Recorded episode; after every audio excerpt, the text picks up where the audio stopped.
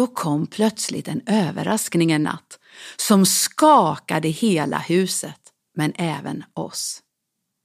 Med ett stort brak vaknade familjen och Lennart och jag hörde barnen skrika från andra delen av huset i vild panik. Det dånade oerhört från taket som om någon sköt med kanonkulor på hela plåttaket. Var det en jordbävning eller ett krig? Jag hade svårt att samla mina uppjagade tankar medan vi sprang in till barnens rum i en annan del av huset för att lugna dem. Skulle detta lilla hus hålla för vad det nu än var eftersom huset hängde halvvägs ut från en klippa? Skulle vi överleva överhuvudtaget? Här är Wow Community Podcast. Alla har en story med pastor Carolina Torebring.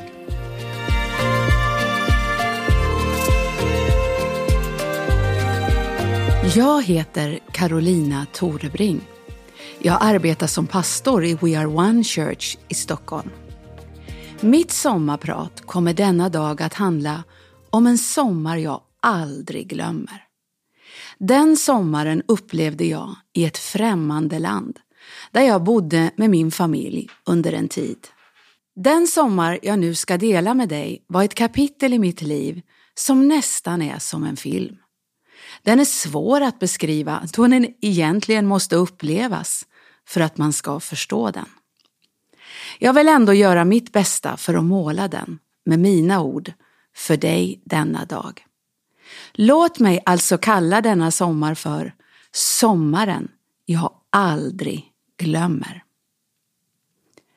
Året var 1999 och jag och min familj bodde i New Delhi i Indien. Lennart och jag med våra fyra barn. Vårt hus låg i ett medelklassområde, ungefär en halvtimmes resväg från Delhi centrum. Området hade en vaktstyrka som patrullerade runt de många husen med långa käppar. De här vakterna kastade en trött blick på varje bil som körde in i vårt område. På morgnarna vaknade vi alltid av vildhundarnas skall och kände doften från de fattiga husbyggarnas koleldar i området. Frusna och trötta satt de där med sina gråa filtar runt sig och drack chai i den tidiga morgondimman. Jag älskade det. Både hundarnas skall och doften av kol och eld. Jag bara njöt av att vakna i detta så underbara land där ordningen fanns någonstans i det för mig charmiga kaoset.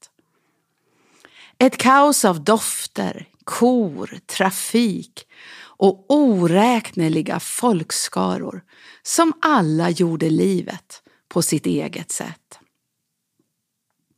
Just denna sommar var det ändå en speciell utmaning att leva här då värmen i staden var högre än på 50 år.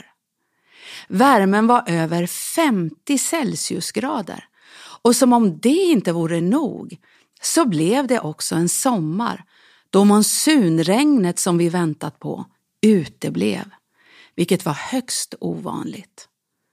Skulle man promenera och motionera fick man göra det tidigt på morgonen då luften var lite sval och fuktig. Kvinnorna gick därför två och två i rask takt i sina färgstarka punjabis och männen joggade sig svettiga i den tidiga morgonfoggen.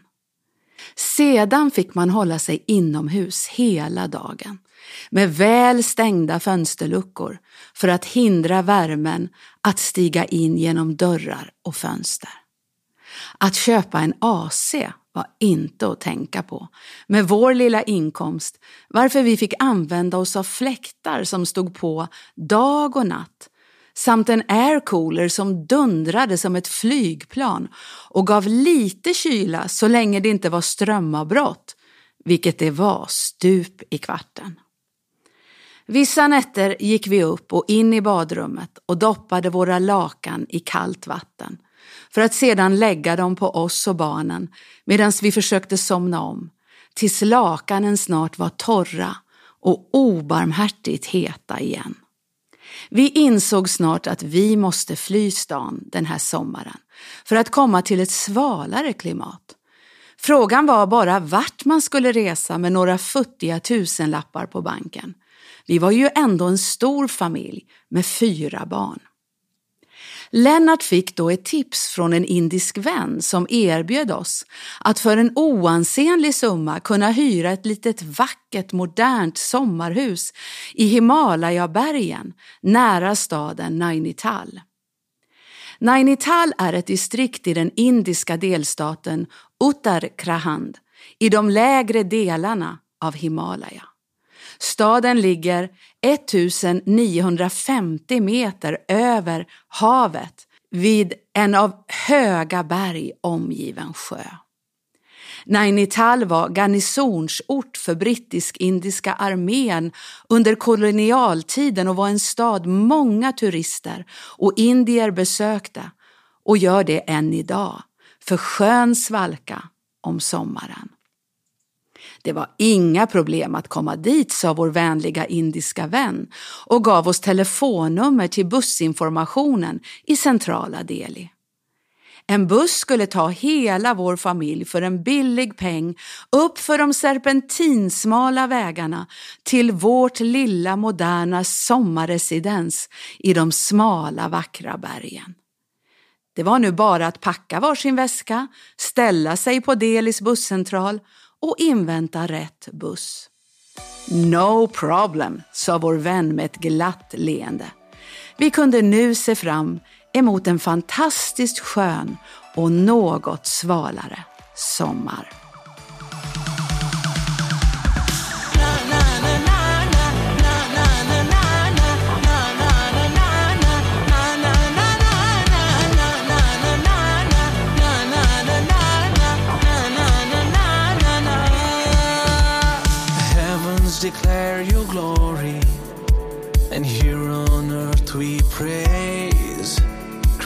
Creation tells the story, the wonders of your name.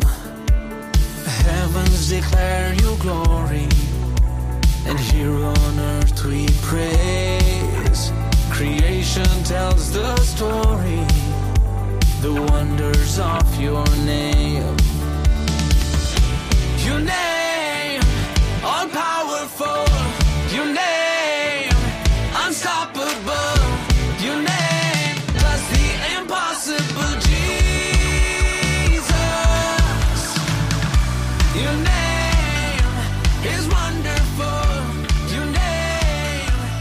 Lite nervösa klev vi upp på bussen och jag synade chauffören för att se om han verkade pålitlig. Bussen var ganska hög och fjädringen gungig, vilket oroade mig. Chauffören verkade bra och vi satte oss ner och bad en bön om en välsignad resa. Precis innan vi skulle åka svängde en annan stor buss in på busstationen i mycket hög fart. Chauffören hade en röd sjal knuten runt huvudet och jag såg att han skrattade på ett obehagligt, nästan berusat sätt medan han svängde ratten så bussen vinglade till när den susade in på busscentralen. Åh, jag tackade Gud för att denna röda turbanchaufför inte körde vår buss och kände stor tacksamhet över vår lugna och fina chaufför medan jag ändå bestämde mig för att inte titta ner i de avgrundsdjupa dalarna längs serpentinvägarna utan bara lyfta blicken mot taket och tänka på Guds beskydd. När vi efter en hel dags resa äntligen nådde vårt mål började dagen skymma och chauffören sa att vi skulle kliva av. Vi hade gett honom namnet på vår lilla by där vi skulle hitta vårt lilla sommarpalats på en bergsluttning några kilometer utanför Nainital. Vi klev därför av på chaufförens uppmaning och stod plötsligt ensamma på en dammig grusväg in the middle of nowhere. Vi började trötta röra oss framåt hela familjen med varsin resväska i handen. När barnen ställde lite undrande frågor svarade vi glatt att vi är snart framme. Genom att fråga några förbipasserande vandrare kom vi slutligen fram till gården där vi skulle bo. Gården visade sig vara ett katolskt konvent, med andra ord ett kloster. En plats för nunnor och munkar att bo, äta, be och arbeta på. På denna lilla gård fanns också ett litet hus som hängde halvvägs ut från en bergsavsats medan andra halvan stod på gräsmattan. Huset såg mycket gammalt och trasigt ut med sitt rostiga plåttak och smutsiga stenfasad. När vi lite förskräckta steg in i huset genom den olåsta dörren kändes det som att gå hundra år tillbaka i tiden. Allt var mycket gammalt, avskavt, trasigt. De få fönster som fanns hade trasiga fönsterrutor och glaset knastrade på golvet när vi gick. Överallt låg damm, smuts och spindeln hade sannerligen inte varit arbetslös utan vävt ganska mycket i husets alla hörn. I en gammal byrå låg det en mängd sprutor med blod med blod ifrån en tid då huset varit en sjukstuga. Små möss låg döda med andra konstiga småkryp och madrasserna var fyllda med halm och kanske så mycket annat vi inte ville känna till eller ens kunde namnet på. Jag steg in i köket och tänkte lite undrande hur jag skulle kunna laga mat åt min hungriga familj efter tolv timmar i en buss. I köket var fönstret sönderslaget och det enda moderna jag såg var en vattenkran med kallt vatten i en ho. Jag tänkte, tack Jesus, vi har vatten även om det naturligtvis inte är drickbart. Men vatten är ju ändå vatten. Det är ovärderligt. I det lilla badrummet fanns ett hål i golvet för toalettbestyren och en låg vattenkran för dusch om man satt ner på golvet när man duschade. Kanske inte så mycket vatten men varje droppe var ju värd guld när man ville tvätta håret. Efter att ha gått igenom vårt lilla sommarpalats satte vi oss ner förstummade. Vi sa med lite förställd övertygelse till våra fyra förskräckta barn att det här skulle bli den bästa sommaren i deras liv. Vi lovade dem lite ansträngt entusiastiskt att detta var toppen och gjorde allt för att övervinna deras misstänksamma ansikten. Vilka familjer får göra så här roliga saker? ropade jag glatt till barnen. Lennart hade då lämnat det lilla huset och gått upp till det katolska klostret för att få tag på prästen. Det tog en stund men snart kom han in i vårt hus för att svara på mina frågor. Var ska vi koka vår mat? Det finns ingen spis, undrade jag lite försiktigt på engelska. Vilken dum fråga. Gör eld, svarade prästen. Eh, var kan vi köpa mat, undrade jag vidare. Jag går ner till landsvägen 20 minuter bort och köper en levande kyckling eller höna hos hönsförsäljaren, svarade prästen. Så steker ni den över eld. Lite grönsaker kan ni köpa på en marknad. Mina barn satt stumma och jag blundade när jag såg framför mig att vi skulle nacka en kyckling om dagen hela sommaren, ta bort fjädrarna, grilla den på en eld utanför vårt sommarpalats. Det var då i det ögonblicket jag började be och böna prästen om att vi skulle få äta med munkarna och nunnorna varje dag i klostret. Prästen var inte positiv. Nej, ni kommer inte tycka om den maten. Den är så enkel, det är inget för er, svarade han. Jag svarade honom. Please, please, please, bönade jag. Snälla, snälla, snälla. Tills prästen sa ett något överdrivet tilltaget pris för en hel meny de veckor vi skulle bo där. Bestående av både frukost och middag.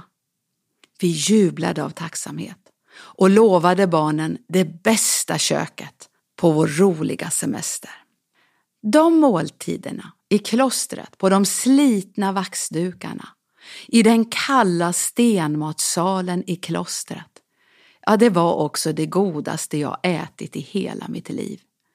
Inte kanske för att ingredienserna var de mest spännande, men hela miljön mättade mitt hjärta så oerhört mycket att maten blev kulinarisk. Ris och dall, dall och ris. Dall är en röra gjord av linsbönor. Chapatibröd och chai efter maten. Gurka och tomat. Allt serverades på slitna plasttallrikar och vattnet serverades i rena stålmuggar. Kackerlackorna och ödlorna var också gäster med oss och kröp på väggarna i det starka lysrörens blåvita sken i taket. Mina barn kanske inte såg på livet och maten med samma förtjusning som jag, men jag formligen älskade varje sekund och varje tugga från den enkla maten. Nunnorna satt tysta med sina fårade ansikten och åt förnöjsamt medan de iakttog oss under tystnad och log vänligt åt oss och våra barn. Kunde man ha det bättre än så här? Nej, detta var sannerligen min bästa sommar. Att efter måltiden sitta utanför vårt lilla trasiga och smutsiga men nu hyfsat städade sommarpalats och se ut över Himalayabergen Andas in den friska luften och höra syrsornas sång. Se solen gå ner bakom bergen. Ja, det var magiskt. Vad mer kunde man begära? När vi varit i huset några dagar och haft byns alla skolbarn på vandring genom det lilla huset varje kväll för att de skulle få studera dessa konstiga människor som bodde här ja då hade vi vant oss att bo på kloster, äta ris och dall och se kackerlackor och ödlor i varje hörn. Då kom plötsligt en överraskning en natt som skakade hela huset, men även oss. Med ett stort brak vaknade familjen och Lennart och jag hörde barnen skrika från andra delen av huset i vild panik. Det dånade oerhört från taket som om någon sköt med kanonkulor på hela plåttaket. Var det en jordbävning eller ett krig? Jag hade svårt att samla mina uppjagade tankar medan vi sprang in till barnens rum i en annan del av huset för att lugna dem. Skulle detta lilla hus hålla för vad det nu än var, eftersom huset hängde halvvägs ut från en klippa. Skulle vi överleva överhuvudtaget? En av de äldsta nunnorna, en tysk nunna som var hundra år gammal, hade samma dag varnat mig för att det gamla huset inte var beboeligt och inte säkert att sova i. That house is not safe, hade hon varnat mig. Hennes ord ringde nu högt i mina öron. Huset var inte säkert. Efter en stund förstod vi att det var ett åskväder som brutit fram och blixtrarna kom i mängder med korta intervaller och lyste upp hela huset i ett vitt bländande sken. Aldrig hade vi sett blixtar i en sådan hastighet och styrka. Ovädret förde med sig mängder av stenar som rasade ner från de höga omgivande bergen och de kastade sig mot vårt hus med sitt gamla rostiga plåttak. Till detta kom ett hagel av isbollar ovanpå allt det andra. Jag glömmer aldrig hur Lennart och jag satt där i mörkret på en gammal hallmadrass och kramade våra barn. Vi bad tillsammans och befallde stormen att tiga och vara stilla. I Jesu namn. Jag minns att jag tänkte, detta händer inte.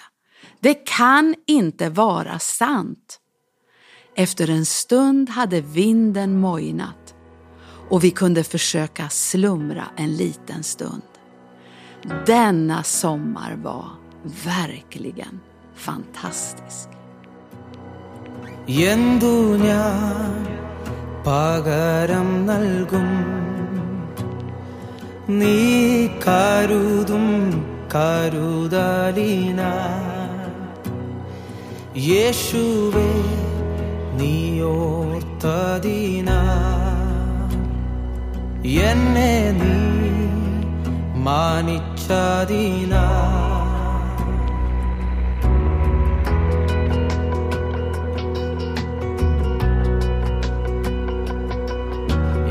രക്ഷയായ ദൈവം എന്നുയർച്ചയായ ദൈവം നിൻ സൗമ്യത എന്നെ വലിയവനാക്കി. എൻ രക്ഷയായ ദൈവം എന്നുയർച്ചയായ ദൈവം നിൻ സൗമ്യത എന്നെ വലിയവനാക്കി.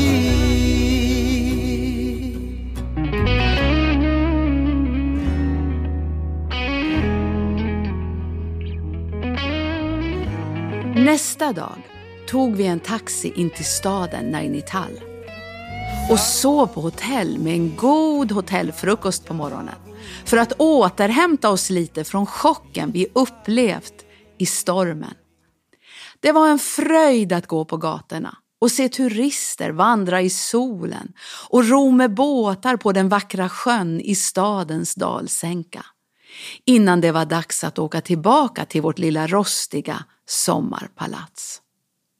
Men innan vi åkte tillbaka kanske vi skulle ta en ritur uppe i bergen för att få se lite snö.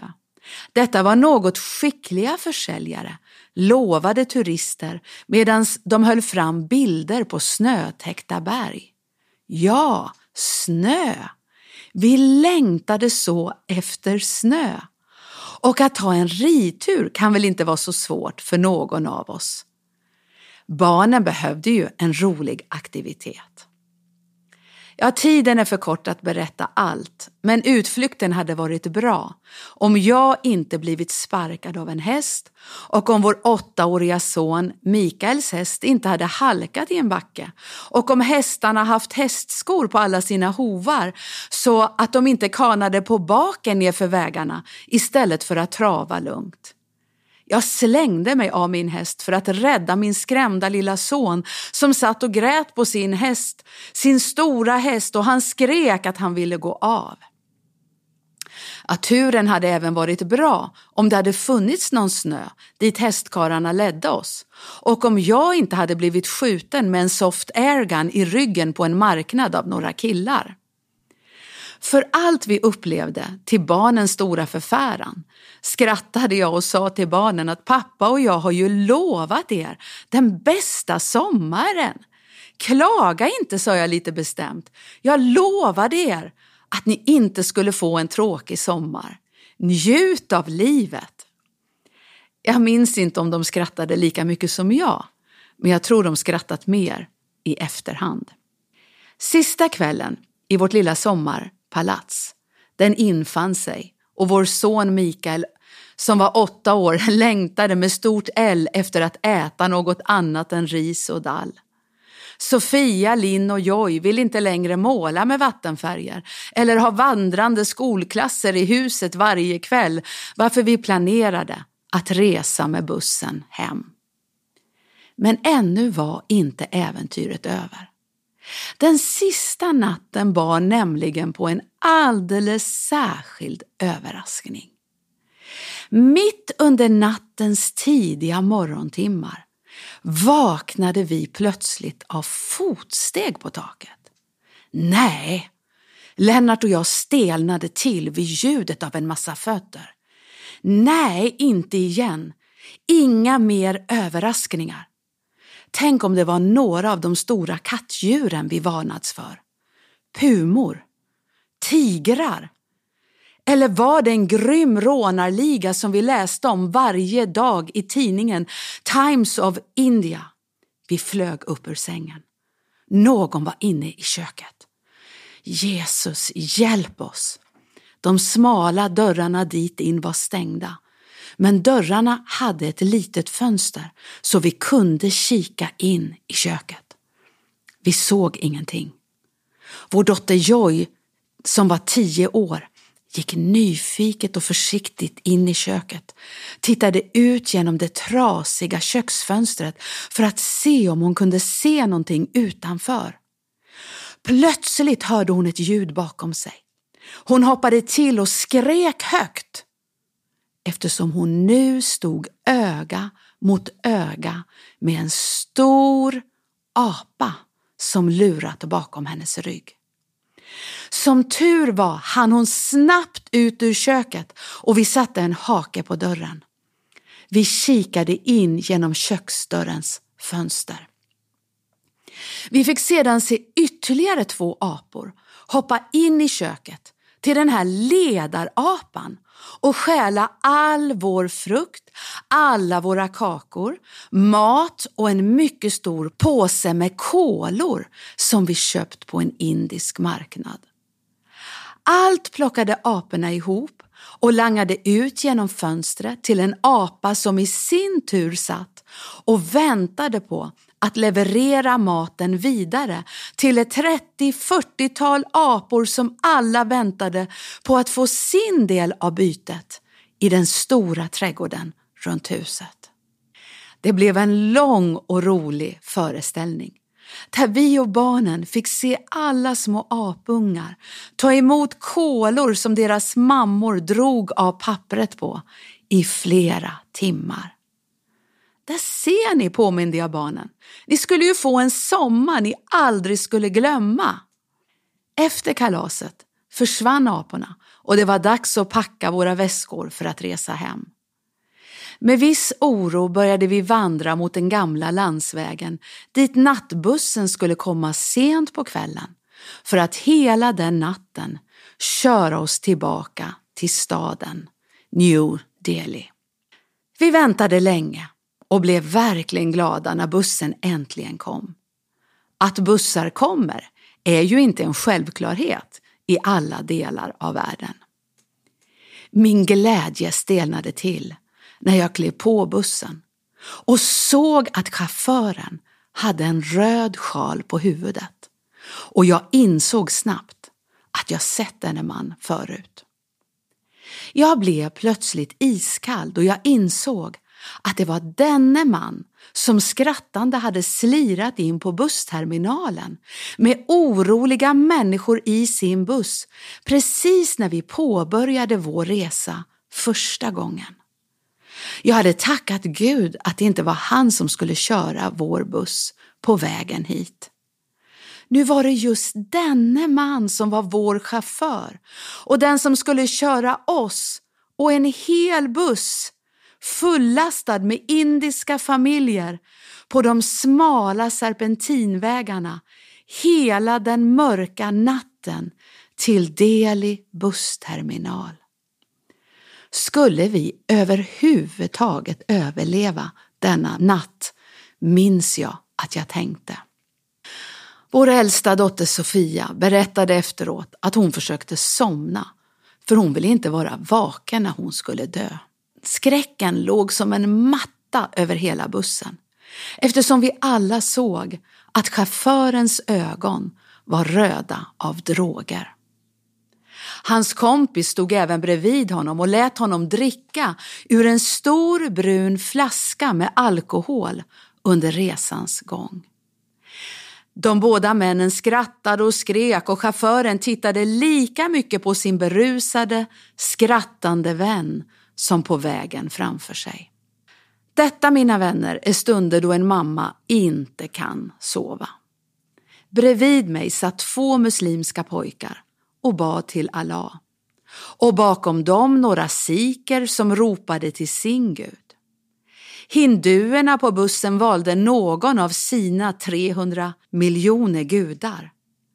Andra försökte sova medan paniken stegrade sig i den överfulla bussen. Jag är så tacksam att det finns ett enda namn till vilken alla folk kan sätta sitt hopp. Oavsett vilken kultur eller religion de tjänar.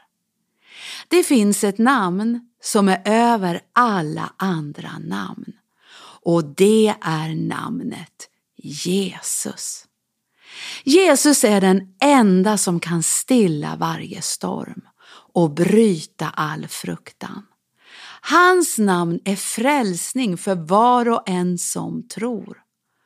Och tänk att det står i Matteus att till hans underbara namn ska alla folk sätta sitt hopp.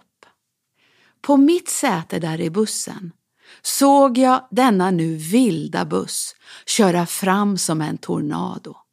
Den körde genom en liten by med en sådan hög hastighet att små hyddor av gräs med sovande människor vaknade och kastade sig åt sidorna och skrek för att inte dö.